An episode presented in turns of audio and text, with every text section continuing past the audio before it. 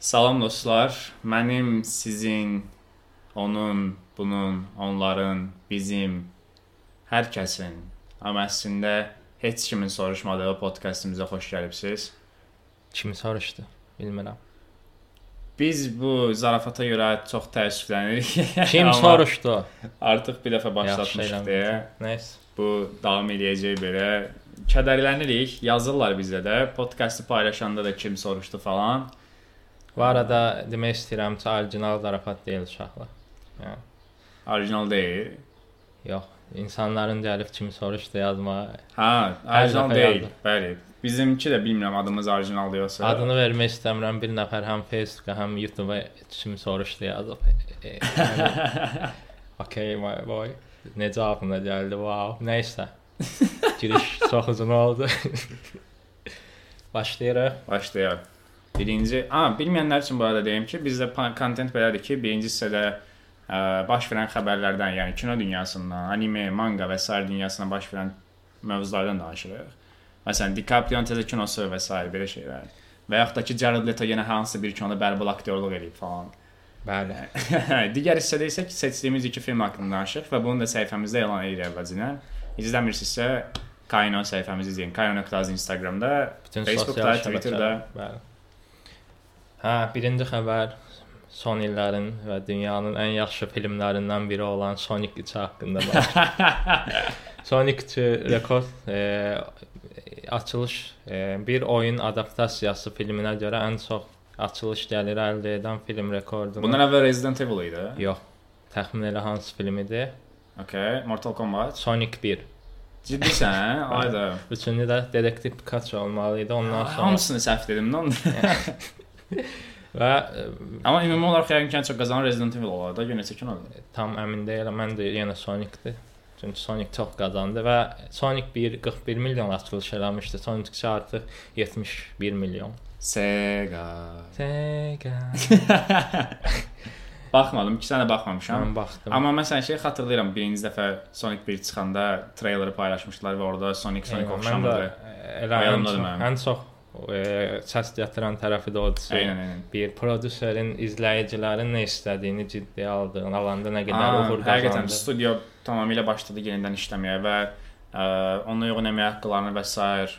ona uyğunlaşdırdılar, adjust etdilər. Yəni ki, bunu studiyalar çox diqqətə almalılar ki, belə oyun olsun, animasiya olsun, komiks olsun, bu cür adaptasiyalarda izləyicinin nə istədiyi həqiqətən nəzərə alanda çox böyük şeylər çıxır ortaya. Yəni Bəli, məsələn, boks- nəzərə alanlar nəzərə alanlar çox az deyil, nəzərə alınmayanlar məsələn Witcher, Game of Thrones, travmalarımızı xatırlayır, PTSD. Heç əslində nə isə onu ayrıca yarım saat monoloq eləmək istəmirəm. 3-cü sezonu danışaq. Necə? 3-cü sezonu danışaq. Belə başqa bir var da Hollywoodda möhtəşəm yeni şey yaranıb. E, bütün aktyorlar yalnız iki filmdən birini seçə bilirlərmiş. Həm də Barbie və Bəli. Oppenheimer'ın kastinə gedə bilirlər. Çünki zarafat olaraq deyirəm, bu arada həqiqətən belə. yəni yəni ki, Oppenheimer və Barbie-nin kastı hər gün yeni ulduz əlavə olunur bu dəqiqə. kimlər var? Məsələn, Barbie-də Ryan Gosling. Barbie Greta Gerwig'in idi də. Greta Gerwig'in kinosu idi deyəsən. Yoxsa Noah Baumbach idi. O ikisindən biri idi. Barbie şeyin idi. Hayda.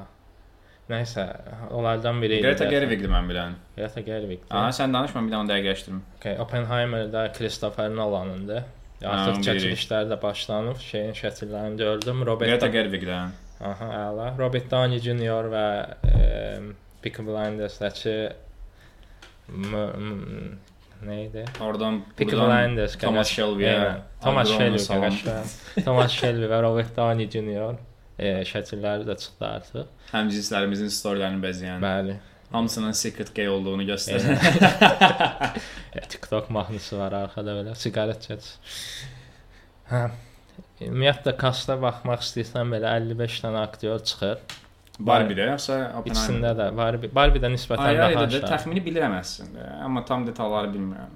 Barbie-də də səhv eləmirəmsə, əsas Ryan Gosling-lə e, e, Margot Robbie olacaq. Amma yəni kim istəsən tapa bilərsən. Onları birinci dəfə də eyni kinoda görürük. Yox, Big Short-da da var, amma eyni səhnədə olmayıblar. Ola Eyni kinoda olublar, amma eyni səhnədə olmurlar. Hətta yenə Emma Stone deyəsən çağırmaq istəyiblər, amma Çox yaxşı olar. Mən Emma Stone və Ryan Gosling universe-ını çox xoşlayıram. yəni demək olar bütün kinolarına baxmışam da. çox hamısını birləşdirirlər. səhnədə belə kimyaları. Hə təsəvvür belə multiverse amma Ryan Goslinglər Drive-dan falan gəlirlər belə. Emma Watsonlar gəlirlər, Emma Stone sonra. maraqlı olar. Eee başqa e, Blue Sky Studios çox Hə, scrap, Emosional. scrat, scrap, skrat, scrat. Okay. çox emosional deyə biləcəyimiz bir əlvida videosu paylaşdı. Monopoliya qarşıyıq. Bəli. Disney-in hər şeyi almağına qarşıyıq. Bu arada Monopol dəstəkçilərindən üzr istəyirik. Sizləri e, yadlaşdırmırıq sadəcə sevmirik. Yəni məncə bu ə, Hı -hı. İndi bir neçə studiya alırlar da. İstərsəniz məncə DreamWorks-ın, ümumiyyətlə bu Blue Sky Studios-un və s. bunların hamısının özünün bir dəst xətti var idi. Disney-də bunların əksəriyyəti eyni streaming servisdə yayımlanacaq deyə və Disney-nin ümumiyyətlə özünün bir ailə siyasəti var deyə istərsəniz hamısı eyniləşir. Və bu məni narahat edir. Amma həmçinin bunun sayəsində də artıq ə, indie animasiyalar ön plana çıxır. Çünki insanlar fərqli şeylər axtarırlar. Ki məsələn keçən il Wolf Walkers çox məşhur idi. Eynən. Hətta mənim favoritim idi. Ümumiyyətlə eyni studiyada birləşməyin yəqin ki, ən çox komiks fanatları sevir çünki illərdir, eynən, illərdir X-Men-dən Avengers-ı bir yerdə görmək istəyən əminəm ki, milyonlarca insan var. Amma belə yenə düz deyirsən, məncə də ümumiyyətlə studiyaları da nifrət eləmək istəyən insanları tamamilə başa düşürəm. Ümumiyyətlə məncə studiyaları bəyənməyə ehtiyac yoxdur. Yəni, Adamlar iş Mən görürlər. elə insanlar görmüşəm studiya müdafiə edirlər. Studiya millətçilər, Eynən. studiya faşistisən sən falan. Bəli. studiya faşistlərinə üzr istəmirik bu səfər. Heç bir faşistdən Studiya faşizmindən Dumbledore və Grindelwaldın yeni fantastik biz filmində bilirsən ki, bəzi şey səhnələr var idi, homoseksuallıqla bağlı səhnələr. Onları Çin bazarında silib salıblar. Silib salır yoxsa orada senzurlanıb? E, Senzuralanmayıblar. Yox, özləri studiya açıqlama verib ki, Çindəki izləyicilərimizin də filmdən zövq alması üçün Ha, yəni silinməsin, Onsa orada yayımlansın çox deyə. az səhnə var. Şey səhnə yox idi, yəni sadəcə göndərmə var idi onların keçmişinə bağlı. Onu da aradan qaldırıblar. Bu nə düşünürsən? Yəni Çində homoseksual yoxdur da. yəni o Çində izləyicilər zövq almırlarmış belə. Yəni onsuz da mənim bu hətta bizim də bu Çinin Çinə qarşı bu qədər şey olmasına, məsələn, Shangli də, Shangli də, Shang-Chi idi. Şangayda Yəni məsələn indi onun adını düzəlməli deyə Çində bilmirəm. Çindən məzələndi deyə Marvel artıq Çin bazarına çıxa bilmir. Yalan deməyəcəyik məsələn. Nə Deyəcəm yəni sırf Çin oynaması üçün elə şey. Hə. Məsələn artıq ə, filmlərdə falan da Asiyalıları çox ön plana çıxardırlar ki, bunu dəstəkləyirəm əlbəttə, multikultural və s. amma burada həmçinin Disney-in, yəni onsuz da biz fərqindəyik ki, hər hansı bir kinoda gey belə varsa, bu adamların o geyi ora qoymalarının səbəbi odur ki, bəs geylər də bizi izləsin. Yəni əslində əsas məqsəd də odur zaten. Elə olmalıdır ki, adamlar empatiya qura bilsinlər personajlarla. Amma studiyalar bunun empatiyasına görə yox, gətirəcəyi bilet satışına Yəni baxırlar. studiyalar onsuz da puldan başqa bir şey düşündüyünü fikirləşən varsa, Amma yenə də məsələn maddi olaraq eləsələr belə, ən azından eləyirlər deyə, okeyəm. Amma bir şey var da, bunun məsələn biri var, yaradıcı özü, məsələn, studiya yox, yaradıcı özü əlavə eləyəndə bu adətən daha şey hekayəyə bağlı. Hə, əlbəttə. Bir də Məsələn, var zorla salmaq elə. aha, Sifarişlə salmaq. eyni Disney həmçinin Floridada qeylərə qarşı çıxan Eynən senatorları falan maliyyələşdirirdi bir ara falan müzakirə etmişdi onsuz da. qısacası pul pul pul deyə. Yəni elə bir bir şey yoxdur. Yəni Fərqinləri yarada bilərik və salam. başqa Doctor Strange-in ön biletinin ön satışları çıxdı və maraqlıdır ki, e, Doctor Strange-in ilk günündəki hələ ön satışdan danışıram amma ilk günündəki ön satış sayı Batman-in ilk e, gündəki bilet sayından daha çox çatdı. Əslində e, bu da əsas Marvel-in o 155 min dənə filmin bir-biri ilə bağlanması. Davam epizodu çıxırmış kimi. Game of Thrones-un yeni sezonu çıxanda Eynən. məsələn mən o insanların birliyini görmüşdüm Mən bunu səfər. şeyə görə əlavə elədim. Marvelin həqiqətən o qədər filmi e, necə e, biraz çox riskli gəlir əslində. Yəni təsəvvür eləyin 55 dənə film yığmısı, üst-üstə qoymusu domino daşları kimidir. Bir çap elədikdə hamısı dağılacaqmış. Məndə elə Hə. bir böyük risk var. Bir də ə, məsələn bunlarda şey məsələsi də var. ə, elə sən dediyinə görə safe oynayırlar da onsuz da. Yəni filmlərdə radikal dəyişikliklər və s. Baş vermir. Əksəriyyəti eyni struktura uyğun davam edir. Biraz yaradıcı. Hətta bu. Doctor Strange-in yeni filmində Sam Raimi rejissor idi və Sam Raimi bu arada Spider-Man-dən sadəcə tanıyırsınızsa, onun əslində qorxu arxivi olub, ə, qorxu filmləri background olub və Spider-Man-də də hiss eləyə bilərsən. Aha, Spider-Man-də də var zaten ikinci kinoda çox var belə. hətta. O Doktor Octopusun həkimləri məhv Eynən. elədiyi səhnə var Hətta. Spider-Man-də belə e, jump screen-lər falan var. Aha. Və elə bununla bağlı məsələn Sam Raimi orada əslində Doctor Strange-ə çox fərqli perspektivdən yanaşıb qorxu filmi kimi eləmişdi. Sadəcə olaraq studio Eynən, dəyişdi. təzədən bir də bəzi səhnələri təzədən çəkmişdi, ssenariyə dəyişdirmişlər və Kinonu s. izləmək istəyərdim amma. Hə, director cut falan olsa əslində çox super olar. inanmıram olsun, amma yenə də e, həm də mən həm də e, Marvel artıq Marvel və Disney fərqi yoxdur. E, artıq bunun biraz riskini başa düşürlər deyə fikir versən artıq spin-off seriallarına bölünmənin yəqin ki, ən böyük səbəbi budur. Məsələn, Moon Knight çıxır. MCU-ya qədər daxil etmirlər, çünki biraz kənarda. Belə olanda həm də onların yaradıcı daha sərbəst bir e, necə deyim, rejissora, sənətçara daha çox limitləri daha uzağa çəkirdi, daha Hə. çox sərbəst verir. Məsələn, Eternals, Daha böyük alan verirlər də oynamağa. Eyni Eternals məsələn çox tənqid olundu, amma bunu ən yaxşı eləyənlərdən biri idi. Çünki Zhao. eynən çox sərt mövzulara toxundu Hə. falan və hekayə də o qədər Yəni aidiyyət olmadı. o kinoda ilk belə 18 plus səhnələr var idi deyəsən Bəli, Marvel kainatında. Bir də bu spin-off seriallar ümumiyyətlə insanlarda belə bir şey yaradıb artıq son vaxtlar görürəm daha doğrusu çox internetdə və s. Uzun kinoları falan belə tutoriallar olur və yaxud da ki guide-lar olur. Ə, Bələdçidə bir növ. Və həmin infografik kağızlarda, şəkillərdə bir filmi 4 yerə bölürlər. Məsəl üçün Dune filminə necə mini seriyası kimi baxmaq olar. Birinci hissə məsəl üçün 1-ci dəqiqədən 32-ci dəqiqəyə qədər, ikinci hissə 32-dən 53-ə qədər və s. Yəni insanlar artıq oturub bir kinoya 2 saat vaxt ayıra bilmirlər və Disney də bunun fərqindədir deyə spin-offlar çıxardır. Həmçinin spin-offlarla da streaming servisinə çox adam yığır. Azərbaycanda hal-hazırda aktiv olmasa belə, ən azından dünya siyasətinə görürəm. E, səhv eləmirəmsə Netflix-dən sonra ikinci yerdə Disney Plus gedir artıq. İzləyici sayına görə. Amma Netflix çox yuxarıdadır. Bu arada Disney-dən hətta yeni bir xəbərdə Percy Jackson'ın e, adaptasiyası olan yeni serial e, çəkilişləri üçün e, Percy Jackson'ın cavanlığını canlandıracaq aktyoru seçiblər. Bunu Okay. Hətta birbaşa yazıçı özü Rick Riordan'dı. Səhv eləmirəmsə yazıçı o açıqlama verdi. Walker Scobell oynayacaq. E, bilmirsənsə Adam Project-də Ryan Reynolds-un uşaqlığını okey. canlandıran uşaq. Nə Percy Jackson-a baxmışam indiyə qədər. Bəli, baxmamışam. Sadəcə televizorda gördüyüm qədər olub. Aydın Project-ə də baxmadım açığı. Mən baxdım və çox Netflix-in bağlandı, ona görə baxmadım əslində. Yəni Bəli, mən baxdım amma baxmaq planım var idi. amma çox qəşəng oynayır həqiqətən. Ryan Reynolds-un uşağı imiş kimi hiss eləyirsən belə Okay. Və çox şeydir, cikdir belə. Ən Percy Jackson əslində uşaq. universe çox mən bildiyim qədərilə müxtəlifdir və ondan yaxşı adaptasiyalar Percy çıxa bilər. Jackson eynən çox böyük oxuyucu kütləsi də var. Bir də nəticə etibarilə orada bir mifologiya var da. Var, var ha. Və Rick Riordan özü, yazıçının özü də şey idarə eləyəcək deyə Hə, daha ən sevdiyim şeylərdən biridir bu. Walker Scobell-la bağlı belə bir maraqlı xəbər çıxdı. Twitterdə bir Walker Scobell adlı hesab bütün xəbərlərə honor, honor yazırdı belə. Ryan Reynolds, Rick Riordan hamısı follow edirdi. Axırda uşaq yazdı ki, anam mənə dedi ki, yazım mən əsl hesabım deyil. Dost elə belə yazdım, hamı gəldi. Uşağın özünün cəmi ayrı orijinal hesabın cəmi 100 follow veri var idi. 80k, 150k like gəlirdi uşağa. Vay, Ryan yaxşı Reynolds Twitter follow profilimi edir. bağlamışam. Və də sonunda ki, balaca uşaq şey yazmışdı. Anam dedi ki, insanlara xəbər edim də. Yazdı uşaq.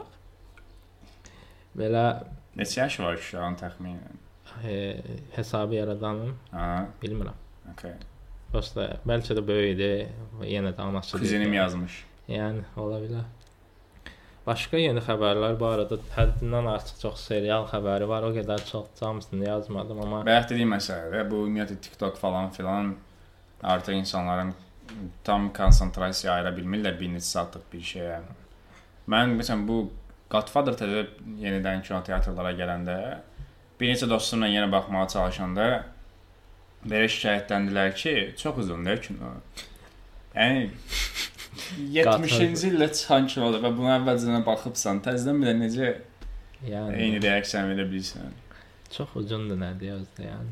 Yatmışdı. Irishman-da da məsələn var idi. da Irishman-da daha çox İndi bu yaxınlarda artıq yenidən fikirləsəm filmlər 2 saat yarıma falan uzanmağa doğru gedirlər. Yenidən uzanır. hə. Qabaq bir ara 1 saat yarıma qədər düşdü filmlər. Kəskin fərq yaranır e, streaming servislər və kinoteatrlar arasında artıq. Eynən. Yəni kinoteatrlara ya, yəni kinoteatrda artıq belə medium budget film görmək çox çətindir. E, mən hətta görmürəm demək olar ki, ya kəskin bir art house olanda gedirəm. Çünki rejissorun böyük bir adı olur, studionu qarşılayır. Ya da ki, məşhur bir franchise-ın hansısa bir kinosudur. Ya da məşhur bir atıram. Marvel, Star Wars, Dune. Yəni bu ortada medium bir şeyə baxmaq üçün getmirəm məsələn. Ya, mən uzağı aktyora görə gedə bilərəm. Hə, və bu mediumların hamısı da streaming servislərdədir. Netflix onsuz buraxdı 10 kinodan 8-i medium. Onsuz bizim kino teatrlara gəlmirlər belə yəni. bir də gəlmirlər onsuz da, Yəni. hə, yəni. Bir də ən əsas qabaq fikir versən seriallarda oynayan aktyorlara baxanda filmlərdən fərqli olduğunu hiss edirsən də keyfiyyət. Məsələn, filmlərdə oynayır Brad Pitt, DiCaprio seriala gəlirdi nisbətən daha az Aha. görə bildi. İndi baxsan Seriallarda da böyük aktyorlar Andrew. Garfield, e, Kate Blanchett və s. və Yəni mən məsələn xatırlayıram Peaky Blinders-da şeyin gəldiyini, ə, Adrian Brody'nin gəldiyini. Məsələn mən onda şokdaydım çünki adətən seriallarda çox güclü aktyorlar görmürsən də. Əksinə serialdan hansısa bir aktyor məşhurlaşırdı. Mən orada Adrian Brody'ni görəndə belə çox həyəcanlanmışdım ki, bir dəqiqə nə baş verir burada falan. mən True Detective-də Matthew McConaughey. Matthew McConaughey ilə. Amma indi məsələn aktyorlar, aktrisalar kiçik çaplı mini seriallarda oynayırlar. James Franco özü müraciət etmişdi 11 22 63 hazırlanması Aynen. üçün. Sonra Emma Stone-la Jonah Hill-in bir yerdə Maniac serisi var. Maniac'ın rejissoru da məşhur rejissoru adını unutdum.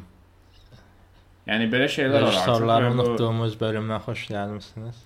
Və Tüm bu ə, nəsə son vaxtlarda ümumiyyətlə artır Marvel-a və s. görə. Açıq xoşuma gəlir yəni mən serialda da yaxşı bir aktyor görmək Özlərinə də istəyirəm. sərf edir yəqin ki, maliyyə və ya vaxt baxımından. Ola bilər, hə. Yəni çünki fikirləşsən ki, filmin e, çəkilişinə 1 il, 2 il vaxt ayırırlar. Yəqin serialda daha rahat olarlar. Aha. Stranger Things e, 4-cü sezonun treyleri. Trailer'ı gördüm, baxmadım trailer'a, amma bildim ki çıxıb. Sən izləyirdin. Sadəcə bu qədər də, informasiya sayıram. Xoşlayırdın deyə xatırlayıram. Stranger Things çox qəşəng idi. Mən birinci sezondan ikinci sezonu çox xoşlamışdım. Yəni olmalı olduğu kimi idi də bir növ. Yəni bundan artıq ola bilməzdi onsuz da. Bəs 3 Üçüncü sezonda, yəni tam bu dəqiqədə xatırlamıram, neçə il keçib artıq. Amma üçüncü sezonda xatırlayırdım ki, yəni indi xatırlayıram ki, üçüncü Xatırlamırsan, sezonda sən bəyənmişdim əslində deyil. biraz. Yox, molda falan olmuşdu Ha. hadisələr, bir dənə canavar var idi, molun içində dalaşırdılar falan. Hətta Max adlı personaj təzə gəlmişdi, o Ginger qız. Sən oraları xatırlayıram yaxşı və bir də mən ə, Stranger Things-də uşaqların elə mutasiya güclərinin falan olmasına görə bəyənirdim açığı. Sonra Akira-nı falan kəşf elədim. Yəni istər-istəməz başa dedim okey də, yəni Akira Akira-nı görəndən sonra adam istər-istəməz başqa evet. olur. Bir də hə, yadıma düşdü, üçüncü sezon axırında güya bunların bir dənə polis var idi eləyirəm. Spoiler var. Stranger Things-ə baxmayıbsınızsa bu bir, 15 saniyə qabağa ötürə bir dəqiqə qabaq. 1 dəqiqə o Stranger Things-in üçüncü baxmamışam, sezonun amma axırında polis var idi. O ölmüşdü güya. hə Nəsə bir portal falan yaranmışdı. Sonra kiçik bir səhnədə göstərdilər ki, Sibirdə falan həbsxanadadır zət. Mən orada dedim, hə, vəssam ciddiyyət öldü də serialın. Yəni bir serial öz quruluşuna, öz strukturuna hörmət eləmirsə, yəni izləyici də ona hörmət eləməyəcək də. Yəni ümumiyyətlə o şey çox nifrət edirəm. Kimsə ölür və kimsə öldüyünü görürük. Əslində tam öldüyünü görmürük. Onu bilirik ki, də yenidən hardansa necəsə Aynən Palpatine. bədəni return. görmüsənsə artıq güvənə bilmirsən. Sonra da somehow Palpatine return deyib qaytarırlar. yəni heç əziyyət də çəkmirlər, açıqlama vermir. Palpatine görmüşdü ya. 20-30 il insanlar Yəni. onunla yaşadılar, e, yəni. Yəni də 20-30 ildə yox, e, gör neçə ildir. Yox, yəni qaytarsan da məsələn şey elə Palpatine hardasa oğlu var imiş, sən deməklə, yəni heç olmasa o qədər hörmət istəyirlər də bilmirəm. boyda Star Wars-da, yəni adamlar Ya da- uluslararası kainatlar və s. yəni adamı tapmısınız. e, Qay- Qayıdır, yaxşısınız. qayıtısına, sonra qayıtmasına açıqlama verdi. Yəni somehow bilmirəm. Nəysə. Mən mən şeyə bu axırıncı Rise of Skywalker idi deyəsən ən sonuncu. Nə idi ən sonuncunun adı? Rise of şey. Skywalker. Ha, o çıxandan sonra mən Last Jedi-yə baxandan sonra Star Wars-dan küssüm belə. Və Star Wars-la məni barışdıran yenə Mandalorian falan oldu. Və Mandalorian-la Clone Wars-a eyni vaxtda çıxdılar. Ona görə mən ə, çox xoşbəxt idim ki, bu ikisinin təsadüf etdiyi vaxtda Star Wars eşqim yenə oyandı da. Ə, amma səhv eləmirəmsə ondan sonra Rise of Skywalker çıxdı. Ondan sonra Rise of Skywalker çıxdı deyəsən. Ya da ondan biraz əvvəl tam vaxtı yadımdadır Mandalorian-dan sonra. Tam əmin deyiləm. Mən də e, çox yaxın vaxtlar deyirəm. Çox yaxın vaxtlar idi. Amma mən yenə dedim ki, baxmayacağam buna. Son vaxtlarda amma bu son vaxtlardır. Mən də daha bu yay. əvvəl üçüncü universitetdə idim deyə yadımdadır. Hə, bu yay məsələn baxdım. Çox peşman Axırıncı oldum. səhnə e. yazın. I am Rey, Rey who, Rey Star Wars. Belə min var idi ya. Hə, bilirəm. E, Çox mənasızlaşdırım. Bir də şey var. Mamam İlk, Ray. ilk e, üç filmin hekayəsini eynisini yazıb prosta e, yerləri dəyişirlərmiş kimi hiss edirəm artıq. Yəni Hə. heç olmasa fərqli bir şey yarat, nə bilim, nə bilim. Yəni Star Wars o, sonuncu trilogiya haqqında danışmağa belə, Yəni o sonuncu trilogiya Somehow serial qayıtdı yəni. Bu arada o Sonic'in uğrundan danışdı. Sony'nin e, yeni Ghost of Tsushima, Tsushima. Ghost of Tsushima oyunu oynamışdın ya da oyunu baxmışdın. bilirəm hə. Ha, o oyunun filmi çıxacaq. Mən e, çox bəyəndiyim oyunlardan biri idi və rejissoru Chad Stahelko idi. E, Keanu Reeves'in oynadığı filmin John adı Wick. neydi? John Wick filminin. Chad. Stahelski. Ha, o. Ha, o Adını deyəmədim. Deyəbilməm nə. O super rejissor. Hə, əslində o stunt double olub. Ona görə o döyüş səhnələrini yaxşı çəkir. Nə olub? Stunt double. Şeydə Ha. nə deyirlər ona bizən dublyor da deyəsən. Ha. Dublyor yox. Dublyor yox. Double'dır da, yəni əvəz eləyən onu Okay, döyüş səhnələri falan. Ona görə o vizyon vardı ya döyüş səhnələri olmalıdır və s. Ghost John Wick ona görə yaxşıdır. Ghost of Tsushima-da nə edə bilər açığı bilmirəm. bu oyunun əs çox bəyənilən tərəfi Yapon mədəniyyəti, belə mənzərələr, Yapon mədəniyyəti və s. idi. Onu yansıtmalı. yaşasaydı. Necə? Kurosawa Eynən Kurosawa göndərmələri və s. çox idi.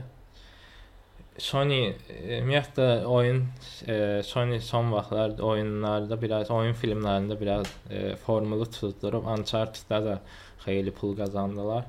Bir də bu məsələn Ghost of Tsushima epik oyundur da. Məsələn Elden Ring də epik oyundur. Və Biz ə, Epic. amma yəni Dark Fantasy falan var amma həmçinin epikdir də. Yəni, Amma məsələn biz şeydə görmürük. Ə, kinoteatrlarda artıq epik kinolar görmürük. Yəni çox kiçik çaplı medieval hekayələr olur. Məsələn Shakespeare-in bu ən son çıxan adı Tragedy of Macbeth. eynən. Sonra nə bilim, yəni epikdir əslində böyük döyüş səhnələri falan var, amma kiçik çaplı çəkilmişdi da o kino oyunda Duel. elə çək, minimalist çəkmişdilər. Green Mile var idi. Green Mile yox, Green Mile nə idi? O Green Knight. Green Knight. Sən o da əslində epik kino idi, amma o da minimalist kino idi, epikliyi görmədik və s. Amma biz son vaxtlar Ridley Scott'un çəkdiyi kimi Last Duel-in son belə bir dənə səhnəsi, odur. eynən. Yəni epik kino janrını həqiqətən dəqiqə ayaqda saxlayan adam Ridley Scott'dur konkret. Yəni biz məsəl üçün Gladiator Sonra kimi gedib Gucci House çəkir. Gucci-ni çəkir, hə, Gucci Gucci. Gucci gang. Sonra e, Jared Leto. Uy eləyir. papa, papa eləyir. Aksent zarafatları. Elə. Mən də Epik kino görmək istəyirəm. Bunun inanmıram bu kinoya qədər sən istədiyin qədər epik olsun. Çünki biraz Bilsən bax, 100 min nəfər oradan, 200 min nəfər, 150 min nəfər də burdan. Bu adamlar bir-birlərinə girib palçığın içində batıb öləndə mənə bir izləyici olaraq bu çox ləzzət eləyir. Mən istəyirəm ki, dəmirli kişilər bir-birlərinə girişsinlər belə. psixoloq lazım Sən- ola bilərsən. Last Duel o cəhətdən məni çox belə Lost-in son səhnəsinə bir baxmışdı, özümü ağlımızı itirmişdi son sonda. 5 dəqiqə, 10 dəqiqə falan o ayaq üstə qalxırdıq. Adam. Driver'la Matt Damon dəmir at bıçaq, qılınc, balta, Qışqıra qışqıra. Yəni, palçıq, torpaq, zir, zibil, cəmaət də onlara baxır. Bu buna Qan. girişir falan. kimin odacağı bilinmir və s. Əslində bilinən. Möhtəşəm idi ora. Bir də kinonun əvvəl başlanğıcı da döyüş səhnəsi idi də. Çaya hücum Yəni, edirlər. başda şeylə eynən. Orada da girişdi. Bir də belə bir kino son vaxtlarda ağlımda The King var. The King-də də elə bir səhnə var. Timothée King? Chalamet olan. Mən də o qədər epik döyüş səhnəsi görmədim. Palçıqlar olan döyüş axırıncı. Robert Pattinson sürüşüb yıxılırdı da. O qəşəng səhnə idi məncə. Məncə də. Ha, bizdən çox of dedim, yadıma düşdü də Norseman çıxacaq. Mən də bundan Aha, və orada yox görə bilərik. Hətta 21-i çıxır deyəsən, gəlib gedib Böyük ehtimal gələn həftə onsuz da bir Massive Talent, bir də Northman haqqında danışacağıq. Olar. İndi öyrəndim. Mən də. Northman yoxsa Vikingdir? Norseman. Okay. E, o ikisi haqqında danışacağıq böyük ehtimalla. Massive Talent'ın belə bir problemi var ki, deyəsən bizim kino teatrlarına önce yığışdırıblar. Tezliklə siyasında var idi, amma artıq yoxdur.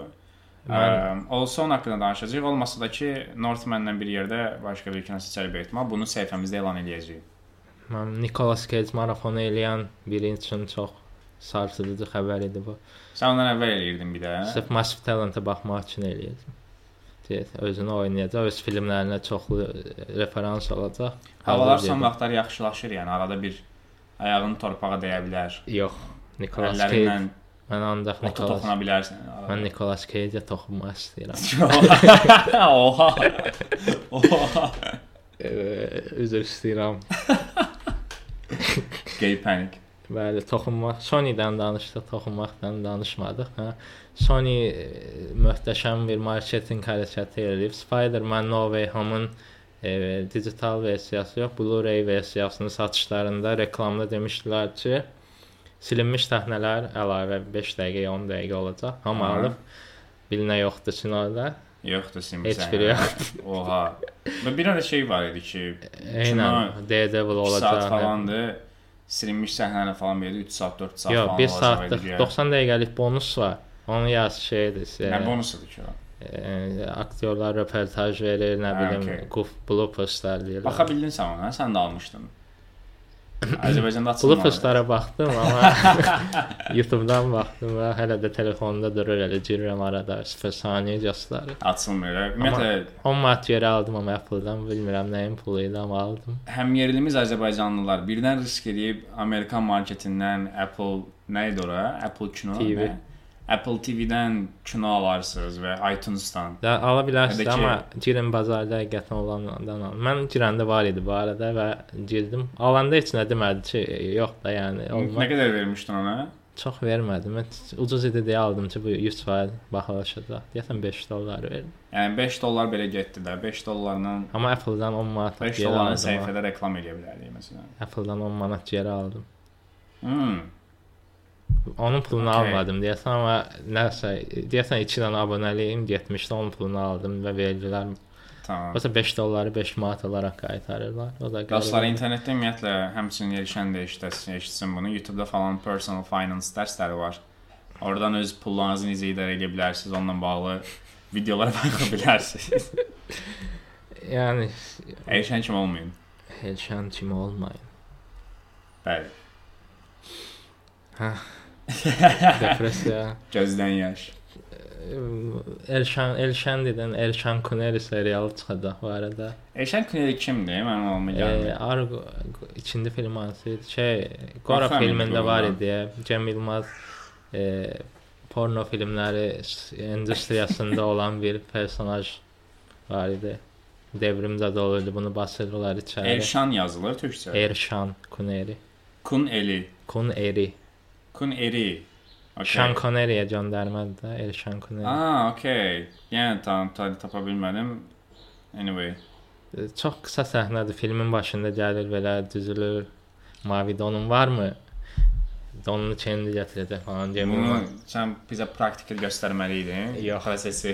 yadıma salar deyə praktiki Yəni, göstərmədim bu buna arada. qulaq asan insanlar don sözünü eşitmək məcburiyyətindədirlər. Don mən Azərbaycan deşdim də biz zəhmət. Yəni. Nəysə, onun serialı çıxacaq. Və Ozan Güvən yoxdur normal olaraq bilirsən haqqında çox iddialar qalxdı. Aha. Vay bitter falan. Cem Yılmaz da yəqin ki ona görə oynatmadı onu, amma yenə Zafər Əlgöz var. qalanlarını Okay. bilmirəm. Çox fransızam məsələ. E, Baxmısan axı, Baxmışam, amma adlarını bilmirəm. E, Nəysə. Mən sadəcə Zeki gəldi. Demirkubuz, Nuri Bilge Ceylan, Haluk Bilginer. Yaxşı. Arada ota toxun. Məhz ota toxunma videosuna baxırmış, ota toxunmurmuş. Abi bir dəfə Nuri Bilge Ceylan seriyası eləyə bilər ya. Hə, həmçinin Bəlkə rejissorlar seriyası eləyək. Nəysə bunu podkastda sonra müzakirə edərik. Maraqlı olar məncə. e, ola bilər. Nicolas Cage seriyası eləyirmiş. Yes. Yox. Başqa xəbər qaldı deyə baxıram. Qalmadı əslində. Qalmadı. Yox. Okay, onda kinolara keçə bilərik məncə.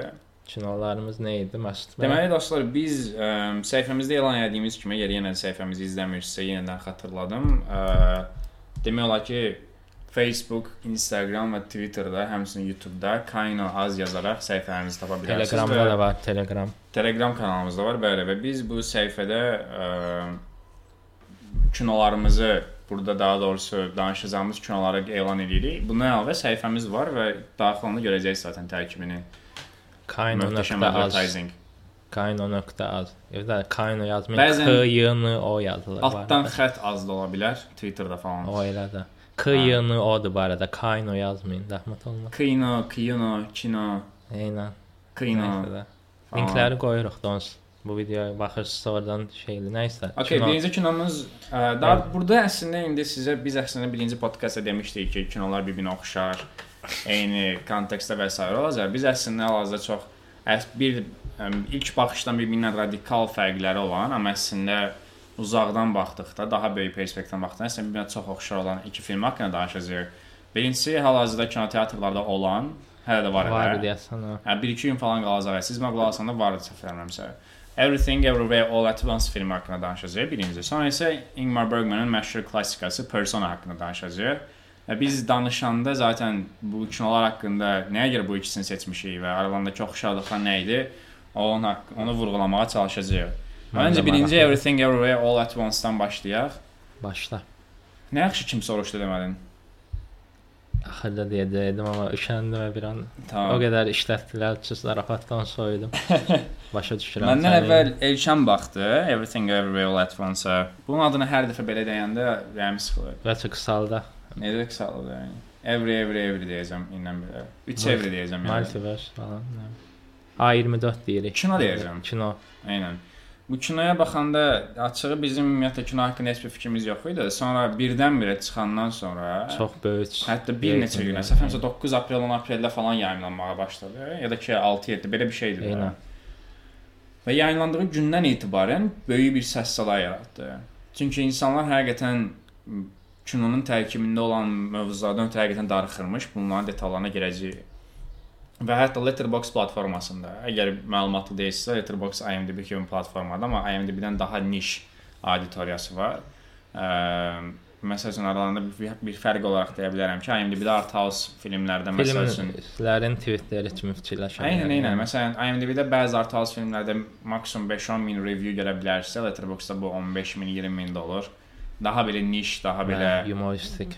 Aynen. Vesairə belə axır. Və məncə interfeysi falan da daha yaxşıdır. IMDb əvvəllər daha yaxşı idi, amma İşlətmişsə bir yoxlayın. Və Okay. Oranın top 250 narrativ filmlərinin, yəni tam metrajlı filmlər arasında birinci yerdədir hal-hazırda siyahıda. Wow. Yəni biz də bunu görəndən sonra dedik bir buna baxaq. Rotten Tomatoes 197 vermişdi Aha, və sonra- baxdığımız üçün açığı çox-çox xoşbəxtik. yəni Çünki o kino həqiqətən bizə göstərdi ki, sinema nədən ötürü var. Biz kinoteatrlar medium olaraq nə qədər əhəmiyyətlidir. Biz əslində bundan əvvəlki podkastda müzakirə etmişdik ki, rejissorlar üzümüzə baxa-baxa hər şeyi izah eləməsinlər kinoda. Və biz bu filmdə əslində vizual vizual mediumdan necə maksimum dərəcədə istifadə etmək olar, detallarına qədər görürük. Yəni həqiqətən vizual show idi o həmin film. həmçinin hekayə necə yazılar, necə nə qədər absurd olsa belə hekayəni necə toparlaya bilərsən və s.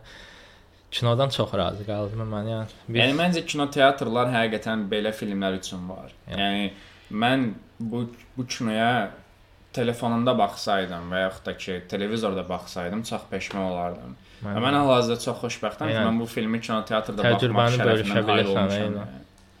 Təcrübəni bölüşə bilirsən. Məsələn, mən getdiyim üçün o teatrda çox az adam var idi. 6 ya 5 ya 6. Bu arada spoiler olacaq. Spoiler alert, spoiler Hə, alert, spoiler, spoiler alert. spoiler, Falan. spoiler olacaq. Olacaq, olacaq. Okay. Spoiler. Nəysə, hə, Spoiler mən getdiyim üçün o teatrda 5-6 nəfər var idi və amma buna baxmayaraq həyatımda bir Məndə də 4 nəfər idi. bir kino teatrda eşitdiyim ən çox gülüşü orada eşitmişdim yəni. Yəni məsələn kinoda bir səhnə var, ə, baxanlar indi çox yaxşı biləcək. Ümumiyyətlə kino multiverse kinodur və indiyə qədər baxdım ən yaxşı multiverse filmdir. Multiverse anlayışı hal-hazırda çox formalaşıb və həqiqətən ən yaxşı işləyən kinolardan biri budur və personajlar bir yerdə ə, kainatlar elə bir kainata gedirlər ki, orada yaşam tam formalaşmayıb və bu ikisi qayadır. Qaya Hmm. kanyondur belə və bu iki personaj qayaya çevrilir orada. Və orada əslində ə, müzakirə elə ki, qaya olmaq necə rahatdır və s. Eynən, falan. eynən. Amma kinonun fəlsəfəsinə, simvolikasına falan girmədən əvvəl o qaya olduqlarına görə anlıq belə bir sakitçilik, yəni sadəcə alt yazı ilə söhbətləri görürük və Eynən. kino teatrda o sakitçilik adama elə möhtəşəm effekt verir. Elə inklüziv hiss Sən də edirsən qaya özünü. imişsən kimi olsan bir. Eynən bir adicə güləndə belə o gülüşün səsini eşidirsən, adam məsəl üçün normalda kino teatrlarda səs o qədər gür olur ki, insan öz səsini bəzən eşitmir. Eynən. Amma mən orada güləndə 4-5 nəfər dolanda ümumiyyətlə kim necə səs çıxarsa onu eşidirdim və s. və o vizual düz qabağımda idi falan möhtəşəm təcrübə idi. Ümumiyyətlə təsəvvür et bir filmə gedirsən və sənin qarşına 2 dənə qaya qoyurlar və sən o səhnədən zövq alırsansa deməli həqiqətən mükəmməl. Qaya və işdir. qayaların üzərində 2 dənə göz var. Yəni göz sonradan yaranır amma. Yəni deyək- məsələn mən o kinoya baxandan sonra fikirləşirdim ki, ümumiyyətlə recency bias deyilən bir şey var. Bu recency bias o deməkdir ki, yenilikcə nəyəsə baxandan sonra insan istərsəməz onun həmin o baxdığı şey yeni baxıb deyə beynində daha çox yer tutur və ona pozitiv olaraq daha meylli olur, biased olur. Ə, mən fikirləşdim ki, kinodan çıxandan sonra bəlkə hal-hazırda məndə bu effekt var. Ona görə bir, bir neçə saat dəmlənsin kino. Ümumiyyətlə müzakirə eləməyim. Hətta onsuz da mən saat 3-də girdim kinoya, 6-da park sinemadan çıxandan sonra probkaya düşdüm falan. Axır əvvəl onsuz dəmləndi o, yəni 2 saata getdim evə. Sən baxandan sonra gözlədim ki, Letterboxd-da nə qoyasan. Soruşa Hə, da gecə bilmirəm ki, podkastda danışacağıq. Eynən hə. Gecə falan xal rating verdim. Özüm gözlədim ki, recency bias olmasın. Ə, və gördüm ki, yox ya, olmur. Mən bu kinonu hələ fikirləşirəm. Bu arada bir şey deyim, bu filmi biz də ilk dəfə müzakirə eləyirik. Bu arada baxandan sonra Birinci dəfədir hə. Mən ən çox e, bir dənə bunu deməsəm olmaz, Ratatouille haqqında. nə qədər güldüm. E, Filmlərə çox belə bu- ümumiyyətlə belə baxırsan filmə, çox qarışıq filmdir əslində. Yəni ora Çox. ora gedir. Amma ən sonda başdakı şeylə sonluq o qədər bağlanır ki, yəni, əslində o qədər də qarışıq deyilmiş kimi hiss edirsən. Yəni bu multiverse anlayışı ə, buna həmişə biz gördüyümüz qədər də çox səthi toxunulur. Ümumiyyətlə bu super qəhrəman filmlərində və s. Bu kinoda ona dünyanın mənası, varlığın mənası Eynən. və s. perspektivindən yanaşılır deyə və bütün bu multiverse-lərin arasında bir insan həyatı nə qədər mənasız ola bilər və eyni zamanda əslində nə qədər mənalı ola bilər və s. bu kimi mövzulara toxunur deyə həm ə, kinonun vizuallığı bir tərəfdən, kinematografiyası bir tərəfdən, həm kinonun tərkibində danışılan mövzular və s. bir tərəfdən.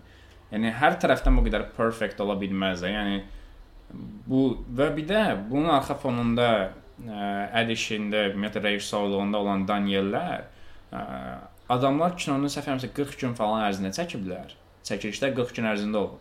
Və üçün çox az deyil. bu aha mən elə ona görə deyirəm. Vizual effektləri üçün sadəcə 7 nəfər işləyib. Vah. Və bu kinonun vizual effektləri Marvel-dakı bütün vizual effektlərdən daha yaxşıdır. Yəni Mən No belə vizual effekt çox az görmüşəm.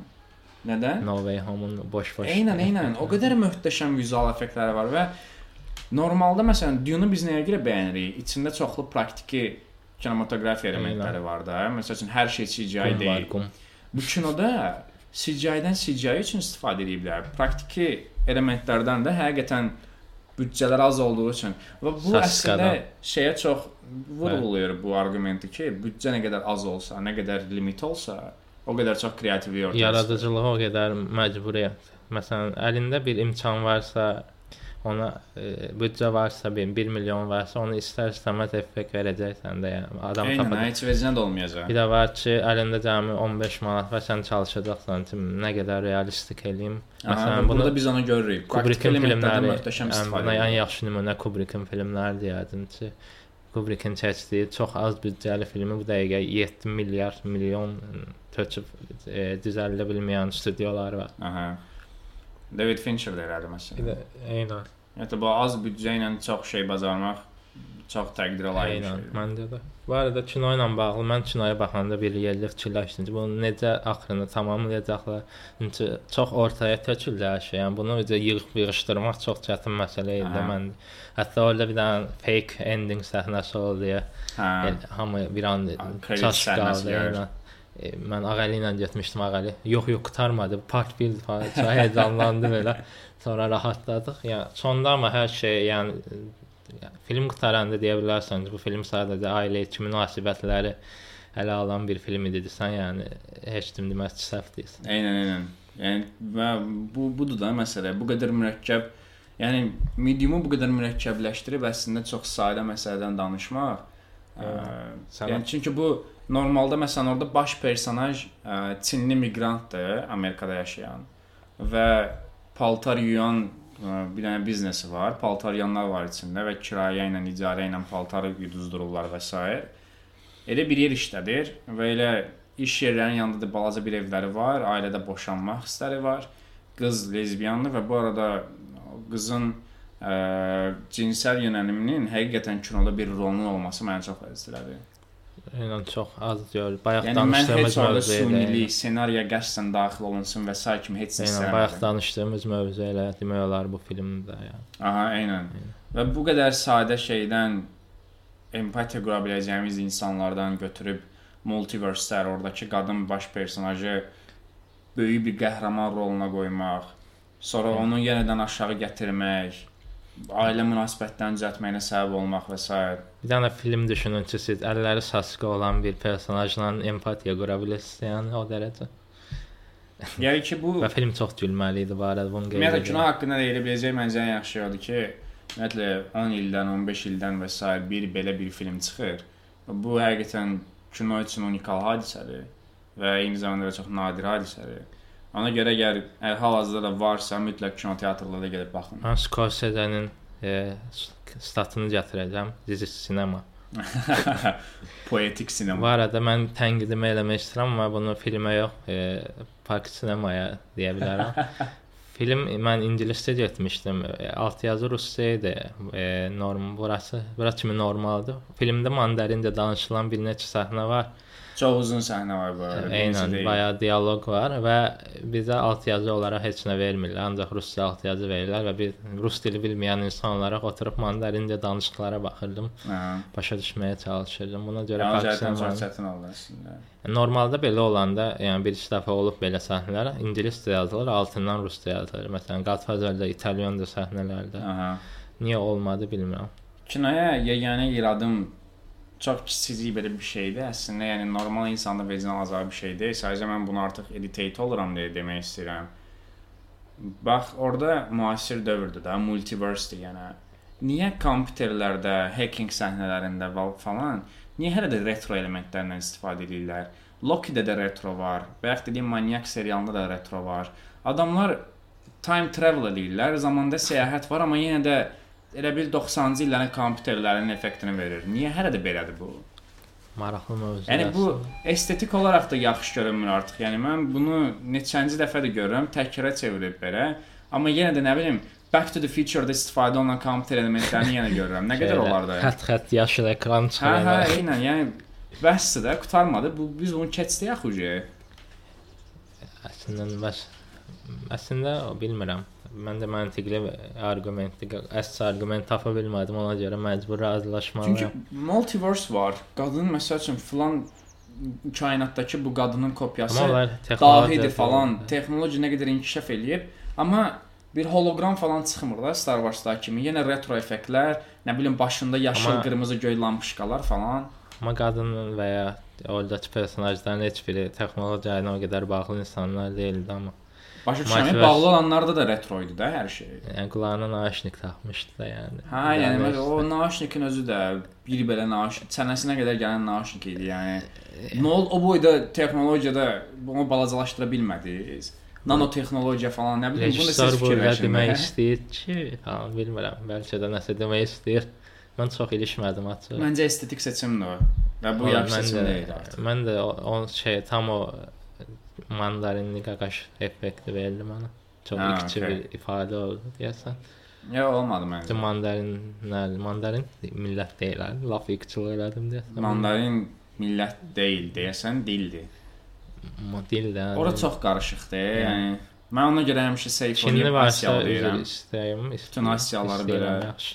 Çinlilər olsa qulaq asa bilmirəm, bilirsən. Heç nəyə, ancaq Bütün Çinli izləyicilərimizdən üzr istəyirik. Evet, sizə demokratiya falan filan. nəysə Uyğur eləmə. soyqırımını tanıyan Hə, Tayvan, yaxşı. ta böyük Tayvan Tayvandır, Çin balaca Tayvandır. Bu və başqa siyasi mesajlar üçün səhifəmizi izləməyə davam edə bilərsiniz. Və görməyəcəksiniz bu mesajları. Bəli. A24 kinosu idi bu arada. Everything Everywhere All at Ayrı bir Once. dörd son anlardan, son anlar deyirəm, son vaxtlarda sinema yaratmağa davam edir. Zizi sinema. Mhm. Martin Scorsese'nin A24 filmi nə vaxt gəlir? Çox qəribə olar.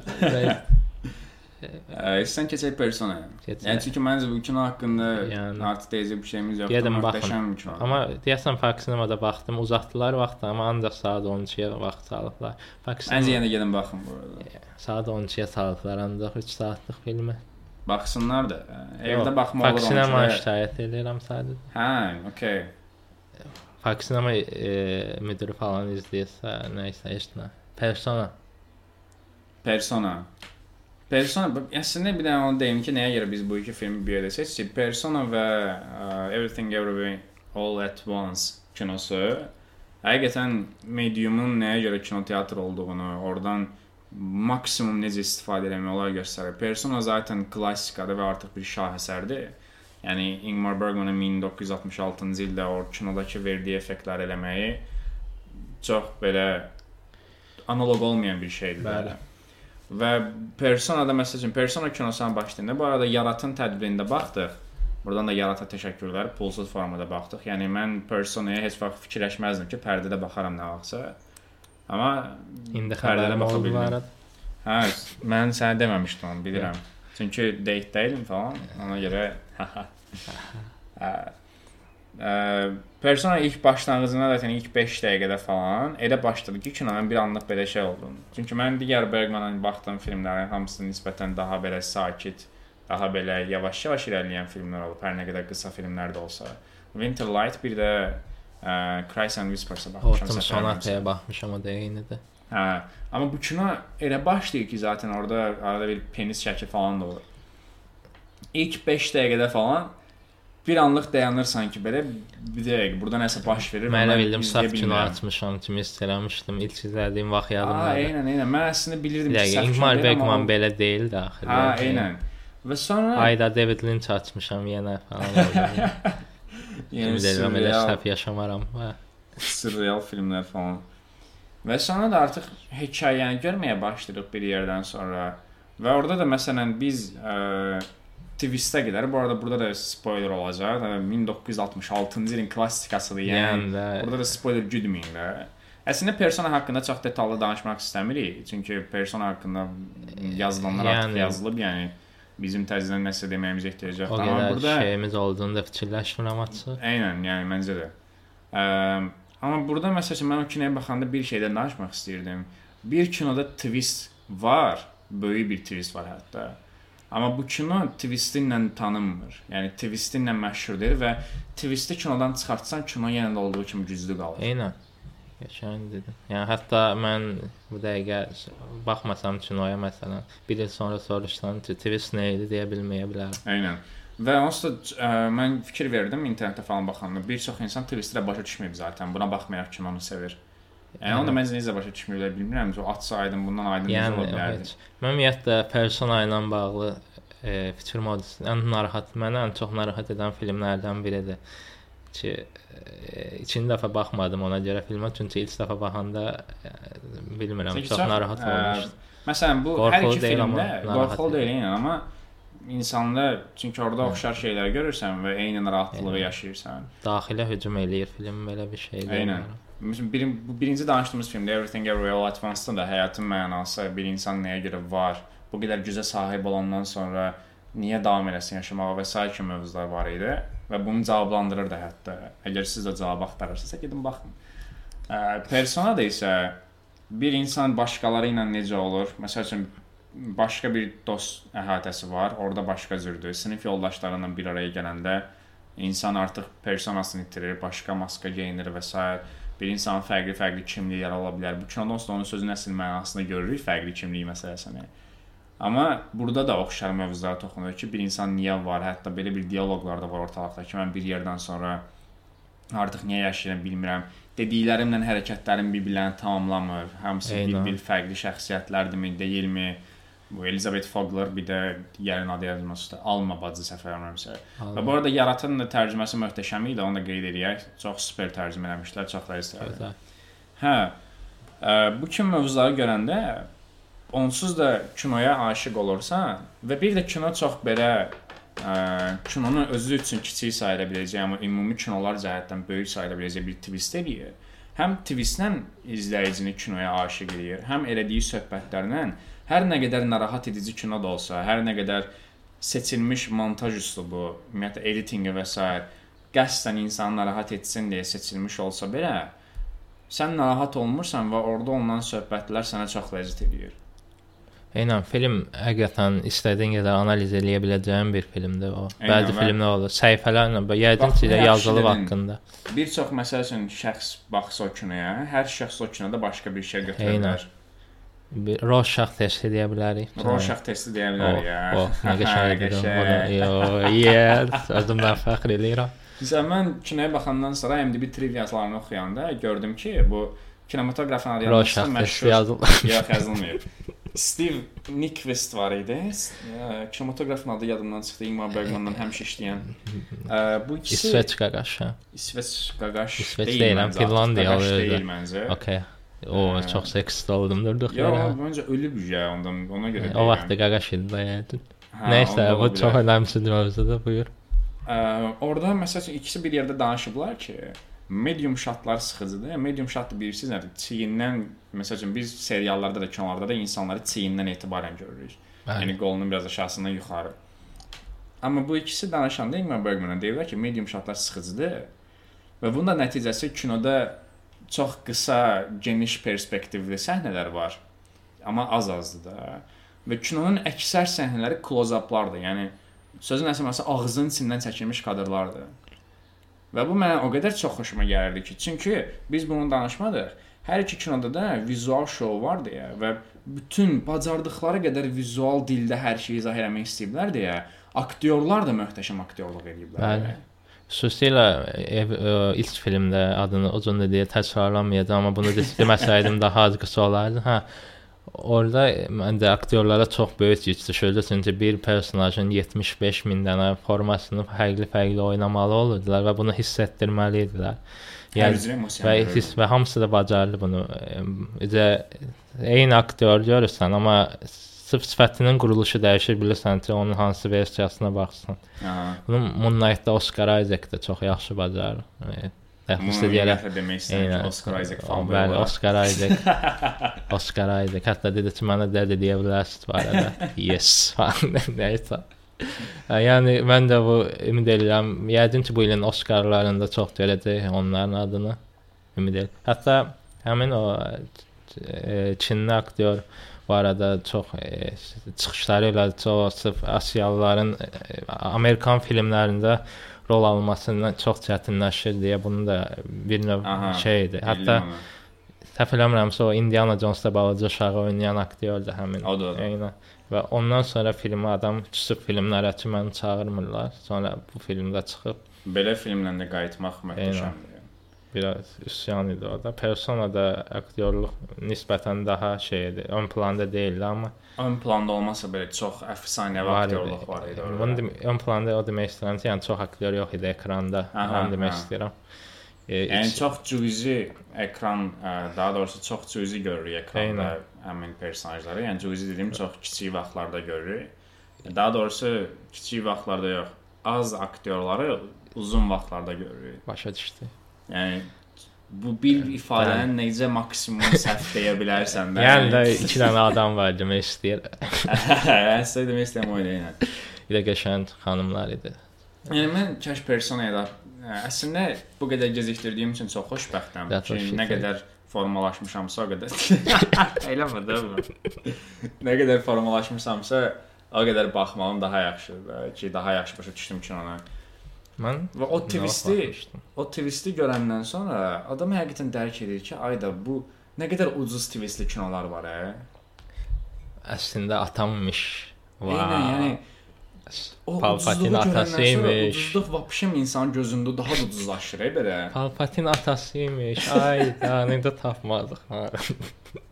Amma bu kinoda elə belə naxış kimi işləyiblər axı ssenarini, bu da Ilman Bergman. Ssenari yazmanın nə qədər önəmli olduğunu bu üç film bizə göstərir. və onu vizual olaraq necə Bəli. mediumda istifadə edə Ssenari və e, vizuallığın birləşməsi.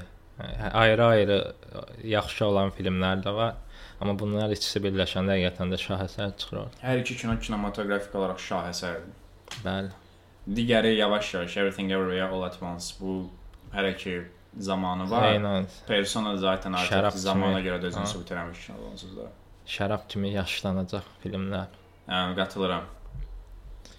Yəni belə başqa nəsə deyə bilərsən filmlərdə? Başqa nəsə məncə, aha, bir dənə mövzu var. Bu əslində nə Persona, nə Everything Everywhere All at Once-a dəxlisi var. Sadəcə olaraq bizim də mediumumuz podkast deyə dedim burada deyim.